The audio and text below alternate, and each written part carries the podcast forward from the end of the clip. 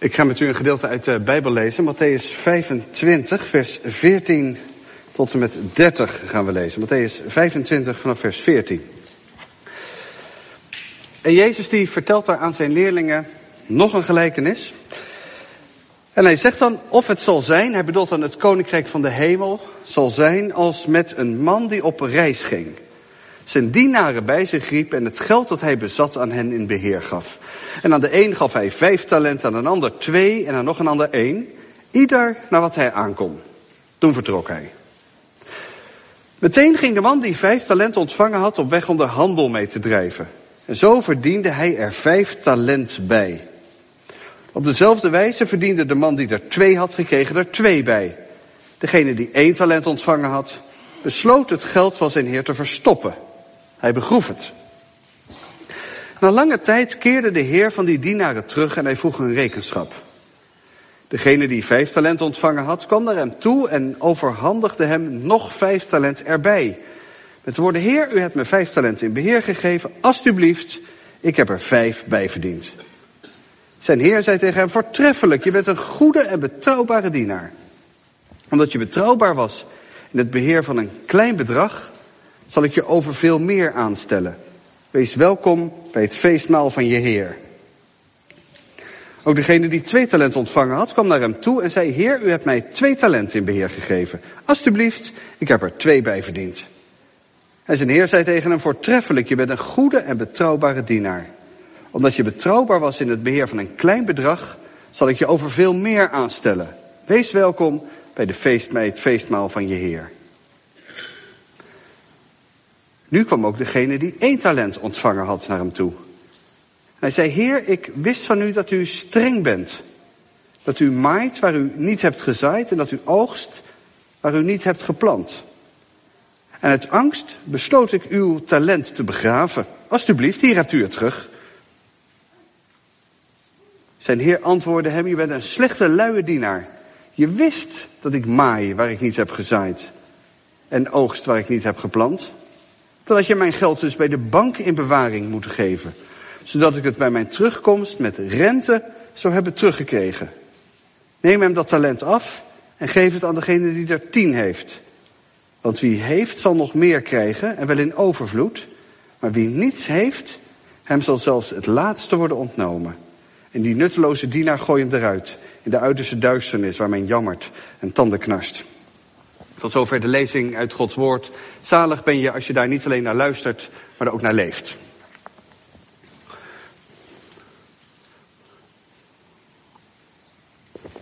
Zo, ik ga snel door mijn water heen vanmorgen. Je moet dus wel je best doen. Ik zie hem nog voor ons staan. De afdelingsdirecteur van de overtuigd christelijke middelbare school waarop ik zat. En het was aan het begin van het jaar, de opening. Hij had net deze gelijkenis van Jezus voorgelezen. En hij keek ons doordringend aan en hij zei, je moet dus wel je best doen. En dat, hij keek dan zoals leraren dat alleen maar kunnen, weet u wel. Doe je best. Dat is niet alleen goed voor jezelf, dat vraagt God ook van je. En ik zal eerlijk zeggen, vrijwel alle schoolopeningen en dagopeningen en andere openingen zijn in die tijd nogal langs mij heen gegaan. Sorry voor alle leraren in de kerk. Maar ik was best een serieus jongetje, dus deze opmerking is altijd bij me blijven hangen. Want wat als ik dus een keer niet mijn best doe? En wat als ik het er even bij laat zitten, als het even niet zo lukt in, op school of, of, of, of in het leven? Moet ik dan voor altijd buiten blijven? Zoals die derde knecht? Kom ik er dan niet in bij God? Ik vond dat geen fijn idee. En ik geloof zelfs dat ik er een beetje bang van werd. Er zijn nogal wat mensen, uh, gemeenten van Christus, mensen van Jezus en Kruispunt, die denken dat het in het christelijk geloof uiteindelijk draait om een soort examen. We begonnen daar deze dienst al even mee. Een groot soort test. Dat het erom gaat om goed te geloven, goed te leven, goed je best te doen. En dat God kijkt, dank u wel. Dit vind ik heel fijn. Ik ga even water inschenken voor mezelf. Ik heb ook nog een tweede dienst straks en we willen niet dat ik daar uh, omval. Maar goed, het draait in het christelijk geloof voor het gevoel van sommige mensen om een soort test. als een soort, uh, dat God bij wijze van spreken met, met, met alle eerbied aan het eind van je leven zal vragen aan je, uh, heb je in je leven een beetje je best gedaan? Heb je goed en, en vast geloofd? Heb je veel stille tijd gehouden? Heb je gewoekerd met je talenten? En dat geloven dus daarom draait. Hè? Dat je een beetje op die vragen van straks voorbereid bent. En daar is ook heel vaak deze gelijkenis voor gebruikt. Maar is dat zo? Wil Jezus dat hier zeggen? Of bedoelt hij eigenlijk, als je goed leest, als je goed luistert, iets anders? Daar wil ik het vanmorgen met u over hebben. En zoals heel vaak in de Bijbel moet je dan bij deze gelijkenis goed lezen en goed luisteren. Jezus vertelt dit onmiddellijk na een ander verhaal dat hij net hiervoor heeft verteld. En dat is dat verhaal van die vijf wijze en die vijf dwaze, domme meisjes. Die meisjes die moesten wachten op de komst van de bruidegom. Ze zouden meelopen in de stoet en daarvoor hadden ze lampen gekregen, olielampen. En vijf meisjes hadden lampenolie bij zich en vijf, en kijk, en daar begint het, het, het, het vaak wat oppervlakkig gelezen al. Vijf hadden geen olie bij zich. Want dan wordt er wel eens gezegd, hè, dat is nou toch ook wat, hè, die meisjes die moesten zo ontzettend lang wachten. En er waren er vijf en die hadden niet genoeg olie bij zich. En ja, en dan kom je er dus niet in. Die hadden niet genoeg. Dat staat er niet. Zij die dwaas waren, vertelt Jezus, namen wel hun lampen met zich mee, maar geen olie. Die meisjes hadden niet te weinig bij zich. Ze hadden helemaal niks bij zich. Hun lampen konden eigenlijk vanaf het begin af aan al niet branden. Hooguit nog misschien op het restje geloof van, van vroeger of zo. Dat ze van huis uit hadden meegekregen. En waarom? Is dat omdat ze de moeite niet namen, omdat ze het niet nodig vinden, omdat ze niet geloofden dat die bruidegom überhaupt zou komen? Daar komen we niet goed achter, maar die bruidegom die is als die komt zo ontzettend boos dat ze het feest niet meer in mogen. En dan zegt Jezus, wees waakzaam, want jullie weten niet op welke dag en op welk tijdstip de bruidegom, de Heer, komt. En dan komt dit verhaal. Nou, wat is er aan de hand? Een rijke man die gaat op reis naar een ver land. En hij benoemt voordat hij weggaat drie van zijn knechten tot zijn zaakwaarnemers, tot beheerders van zijn vermogen. Hij had het misschien ook naar de bank kunnen brengen, dat geld. Dat zegt hij ook later tegen die derde knecht. Hij had het dan tenminste naar de bank gebracht. Dat doet hij niet. Hij kiest zijn knechten uit. En dat geld dat die, dat, die, dat die mensen in bewaring krijgen, dat is nogal wat. Acht talenten in totaal. En wij, wij denken tegenwoordig bij talent aan iets dat je, dat je heel goed kunt. He, dat is mijn talent. Mijn talent is dit of is, of is dat. Maar in die tijd was dat een hele gewone gewichtsmaat. Eén talent woog rond 30 kilo. We moeten denken waarschijnlijk aan een talent in zilver. En dat was ongeveer wat een, wat een, een arbeider ongeveer in 15 jaar bij elkaar verdiende. 15 modale jaarsalarissen dus. Dat is één talent. Best lekker vermogen. En één knecht, één knecht die krijgt direct vijf talenten, de ander krijgt er twee en de derde krijgt er één. Ieder, zegt Jezus, naar wat hij aan kan. En die eerste twee mannen die gaan daar direct mee aan de slag ze kopen en ze, en ze verkopen, ze zetten een bedrijfje op, ze beleggen misschien, ze lenen uit, ze zijn er hard mee aan het werk. Tien talenten weet die eerste knecht ervan te maken. Tien stuks. Geweldig resultaat, vindt ze neer. En er wordt ook direct royaal beloond. En ook die tweede knecht, die heeft het goed gedaan. Die heeft er van zijn twee, heeft hij er vier gemaakt. Maar dan die derde knecht. Is die, uh, is die lui? Traag? Zoals die vijf meisjes uit die gelijkenis daarvoor. Nee, dat geloof ik niet. Hij is eerder bang. Hij is bang voor, hij is bang voor God. Hij is bang voor, waar is hij bang voor? Dat blijkt ook uit zijn reactie, hè.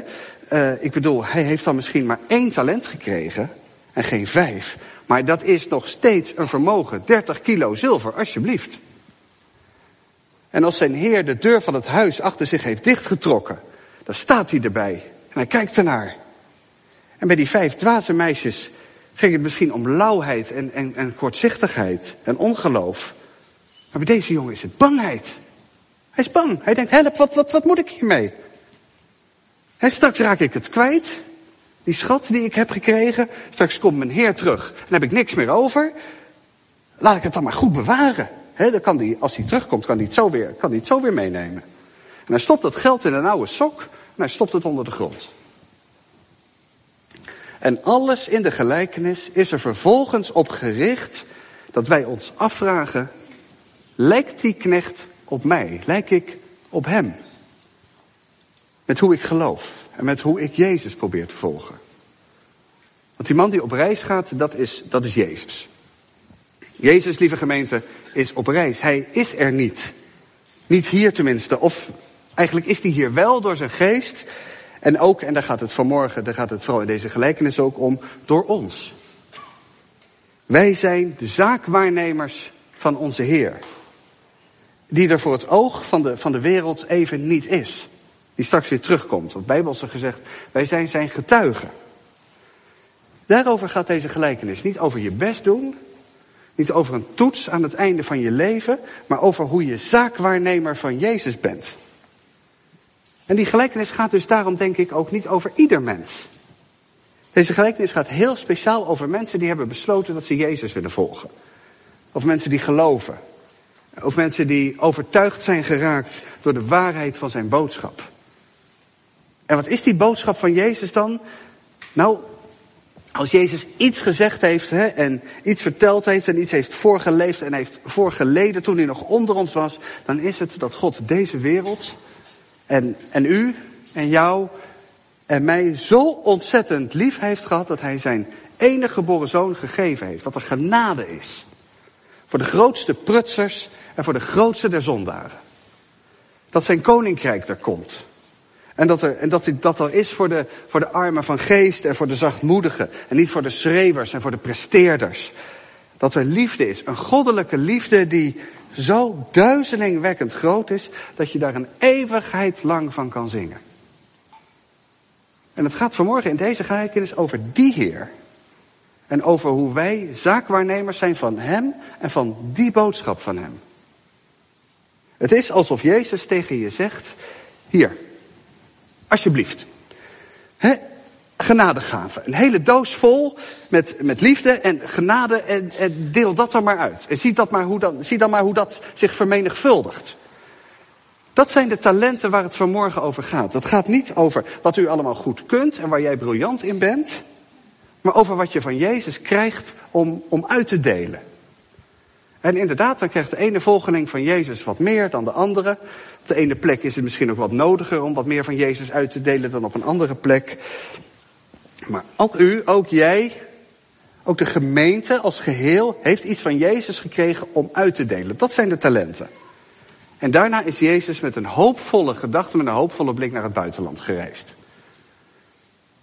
En dan is best wel een goede vraag om dan even over na te denken. Wat heeft Jezus nou concreet aan mij gegeven? Wat heeft hij aan jou gegeven? Wat zit er in die doos die je hebt gekregen van hem? Je zit hier, dus je hebt wat van Jezus gekregen. Misschien veel, misschien iets minder. Dat maakt niet uit. Maar wat kun jij nou voorleven? Wat kun jij nou vertellen? Waar kun jij nou liefde laten zien en genade laten zien? En iets van dat, van dat koninkrijk dat eraan komt. Die derde knecht, die denkt, laat ik er maar vooral niks mee doen met die doos. Met wat ik heb gekregen aan liefde en aan vriendelijkheid en aan mildheid en goedheid en geduld en al die andere vruchten van de geest waar Paulus het later over zal hebben. Laat ik maar gewoon alles bij het, eh, bij het oude laten. He, want dan krijgt die grote baas, die krijgt dan straks zo die doos van mij weer, weer, weer, weer terug. Dan zeg ik, hier alstublieft, he, ik heb er niet aan gezeten verder hoor. Denkt u dat de Heer daar blij mee zal zijn? Kijk, op zichzelf heeft die derde knecht natuurlijk helemaal gelijk. Even nuchter. Stel je hebt maar één talent gekregen. Als je daar de markt mee opgaat, dan bestaat inderdaad de kans dat je het kwijtraakt. Door een verkeerde investering of, of, of wat ook. En dan moet hij straks voor zijn Heer met lege handen staan. Sorry, ik heb een doos vol van u gekregen, ik heb alles weggegeven. Ik had gehoopt dat het zich zou vermenigvuldigen, is niet gebeurd. Sorry, die doos is leeg. De vraag is alleen, hoe erg zou de Heer dat nou vinden? Als die knecht nou met een lege doos staat straks. Wat zou zijn Heer erger vinden? Geen talent terugkrijgen, terwijl die knecht wel zijn stinkende best gedaan heeft om dat uit te delen. En misschien een beetje pech heeft gehad of tegenwerking of wat ook, waardoor er niks voor is teruggekomen. Of een knecht die vertikt heeft om er iets uit te voeren omdat hij er bang voor is. Wat is erger? Dat is de vraag. Deze gelijkenis gaat er niet om of je aan het einde van je leven braaf bent geweest. Het gaat er eerder om of je als zijn volgeling dapper bent geweest. De vorige gelijkenis, die van die tien meisjes, ging over lauwheid. Deze gelijkenis, die van die drie jongens, gaat over angst, bangheid. En Paulus die, die zal later tegen zijn jonge leerling Timotheus zeggen, God heeft ons niet een, een geest van lafhartigheid gegeven, maar een geest van kracht, liefde en bezonnenheid. Schaam je er dus niet voor om van onze Heer te getuigen. Schaam je niet, zegt Paulus. Ja, en als je nou denkt, ja maar, ja maar ik ben helemaal niet zo dapper van mezelf. Misschien is dit dan juist wel een gelijkenis voor jou. Paulus zegt niet, uh, ga in je kracht staan. Of nog wat van die, van die lege managementtermen meer. Paulus zegt, wij hebben een geest van kracht gekregen. God heeft die aan ons gegeven. Die zat in diezelfde doos. Die zat in hetzelfde pakketje. Als al die talenten die we hebben gekregen. Een geest van kracht, liefde en bezonnenheid. En je kunt helemaal begrijpen wat die derde knecht doet. Ik kan dat tenminste wel. Ik kan best meevoelen met zijn bangheid. Ik kan snappen waarom die het liefst alleen maar een beetje op de winkel past. want dat koninkrijk van God, jongens, is dat niet veel te groot? En is het leven zelf niet vaak al gewoon ingewikkeld genoeg? Laten we eerlijk zijn, is er vaak niet al genoeg om je daarover zorgen te maken? over je werk, je huis, om de liefde die bekoelt, de relaties waarvoor je, waarvoor je moet vechten. Om wat je niet goed hebt gedaan, om je gezondheid, om dat van de mensen van wie je houdt. En dan kun je s'nachts slecht van slapen. Je kunt een morgen vrezen, bang voor wat hij gaat brengen. En dan is daar ook nog Jezus en, en zijn koninkrijk en wat je daar allemaal van moet. Het is niet zo bedoeld, maar dan voelt het al zomaar iets waar je ook nog mee aan de slag moet. en dat God nog iemand is in je leven die, die wat van je aandacht wil. En van je moeite en van je energie. En die je misschien wel tevreden moet houden. Voor wie je je best moet doen. Zoals je al op zoveel terreinen je best moet doen. En natuurlijk zeg je het geen nee tegen God. Maar hoe je dat allemaal voor elkaar moet krijgen. En voordat je het weet komt geloven bovenop die berg van wat je toch allemaal al moest. En dan belooft Jezus misschien wel, ik verlicht je last. Maar dat betekent geloven per saldo vooral dat je last alleen maar zwaarder wordt. En misschien zit je ook wel een beetje met die derde knecht. He, want met hem liep het dus niet zo goed af. Hij had niks gedaan. En of dat nou bangheid is of, of, of luiheid, dan kom je er dus niet in bij God als je het niet goed doet. En voordat je het weet, maakt daarover nadenken de last op je rug alleen nog maar zwaarder. En zakt de moed om iets met dat talent te doen je alleen nog maar meer in de schoenen. Maar is dat nou de bedoeling? Is nou de bedoeling van Jezus om ons eens flink te waarschuwen? Kijk, het evangelie van Gods genade is een ernstige zaak. En de mogelijkheid bestaat dat u, dat, dat jij, dat ik, daar, dat wij daar nee tegen zeggen, tegen dat evangelie. Dat we niet willen. Dat we liever blijven in onze angst en in onze lauwheid. En dan zal God ons niet dwingen om mee te gaan. Maar wil Jezus je nu daarmee bang maken? Nog banger en nog vermoeider dan je misschien al bent. Betekent het dat omdat je niet perfect bent, dat je vaker bang bent dan, dan liefdevol, vaker lauw dan actief, dat je er dus niet in komt dan bij God? Is het dan niet stiekem alsnog een soort grote eindexamentest geworden? Maar nee, dat is het nou juist niet. En daarom keken we aan het begin zo met nadruk over wie is nou precies die Heer die vertrokken is. En wat is nou precies de boodschap van die talenten? Wat heb je nou precies gekregen? Waaruit bestaan ze? Het gaat om liefde, om genade, om vergeving. Jezus, zal Paulus later zeggen, heeft ons gered en ons geroepen tot een heilige taak. En dat heeft hij gedaan, zegt Paulus dan, niet op grond van onze daden, maar omdat hij daartoe uit genade besloten had. Hij deed dat, zegt Paulus, en dat is niet zonder betekenis, uit genade. Die Heer die kiest die drie knechten uit genade. Hij weet al lang wat voor vlees hij in de kuip heeft. Hij weet al lang dat mijn moed en uw daden en jouw geloof vaak niet zijn om over naar huis te schrijven. En toch zegt hij, hier heb je die talenten. Hier, alsjeblieft, die hele doos vol. Jullie zijn mijn getuigen. Niet mensen die perfect geloven. Nee, jullie zijn mijn getuigen. Jullie krijgen talenten. Met jullie ga ik het doen. En dan kunnen we elkaar oproepen om vast te staan in het geloof en om standvastig te zijn en om niet te verflauwen en om de geest van dapperheid te laten waaien. Maar dat betekent toch allereerst dat we elkaar vooral moeten wijzen op, ja, op waar die moed en die kracht dan te krijgen is. En dat we tegen al die mensen die bang zijn en die, en die moe zijn. En ik kom ontzettend veel moeie en bange mensen tegen. Dat we tegen hen zeggen, mensen die misschien wel het gat al in de grond gegraven hebben hè, om het talent in te, in te stoppen. Dat we tegen hen zeggen, dat we tegen onszelf zeggen als het over ons gaat. Dat hier maar één ding helpt. En dat is niet nog beter je best doen, maar dat is je openen voor de liefde en voor de genade van God. En wat betreft die talenten, die boodschap van Gods goedheid en oneindig liefde, ja, begraaf het alsjeblieft niet. Ga ermee aan de slag, maar je mag er ook zelf van nemen. En dat klinkt misschien een beetje gek, maar bij God mag je ook zelf een greep uit de kast doen.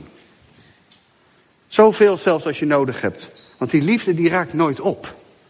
Daarvan is er genoeg voor iedereen in je omgeving en vooral ook voor jezelf. Het evangelie is geen snoeppot waar je van af moet blijven. Neem ervan zoveel als je wilt. Bij God is al het goede in overvloed. En zo zie je dat de liefde de, de angst uitdrijft. Om te beginnen bij de zaakwaarnemers van God, bij u, bij, bij jou, bij mij. En daardoor heen, door ons heen, uit deze, uit deze wereld. Amen. Wij gaan God nu danken en we gaan bidden. Dank u, Heer Jezus Christus, dat wij uw liefde mogen laten zien en uw genade mogen leven. Dat we uw troost mogen doorgeven aan wie dat nodig heeft. En misschien ook wel gewoon aan onszelf. En geef dat we ons talent daarvoor niet zullen begraven, maar dat we ermee aan de slag zijn. En niet uit angst of uit prestatiezucht. Dat zijn geen houdingen die passen bij uw koninkrijk, maar uit liefde. Omdat het ons geraakt heeft. En laat die liefde en die genade van uw Nederland doorstromen. We staan op een spannend punt met dit weekend. Het kabinet dat is gevallen. We gaan onzekere tijden tegemoet.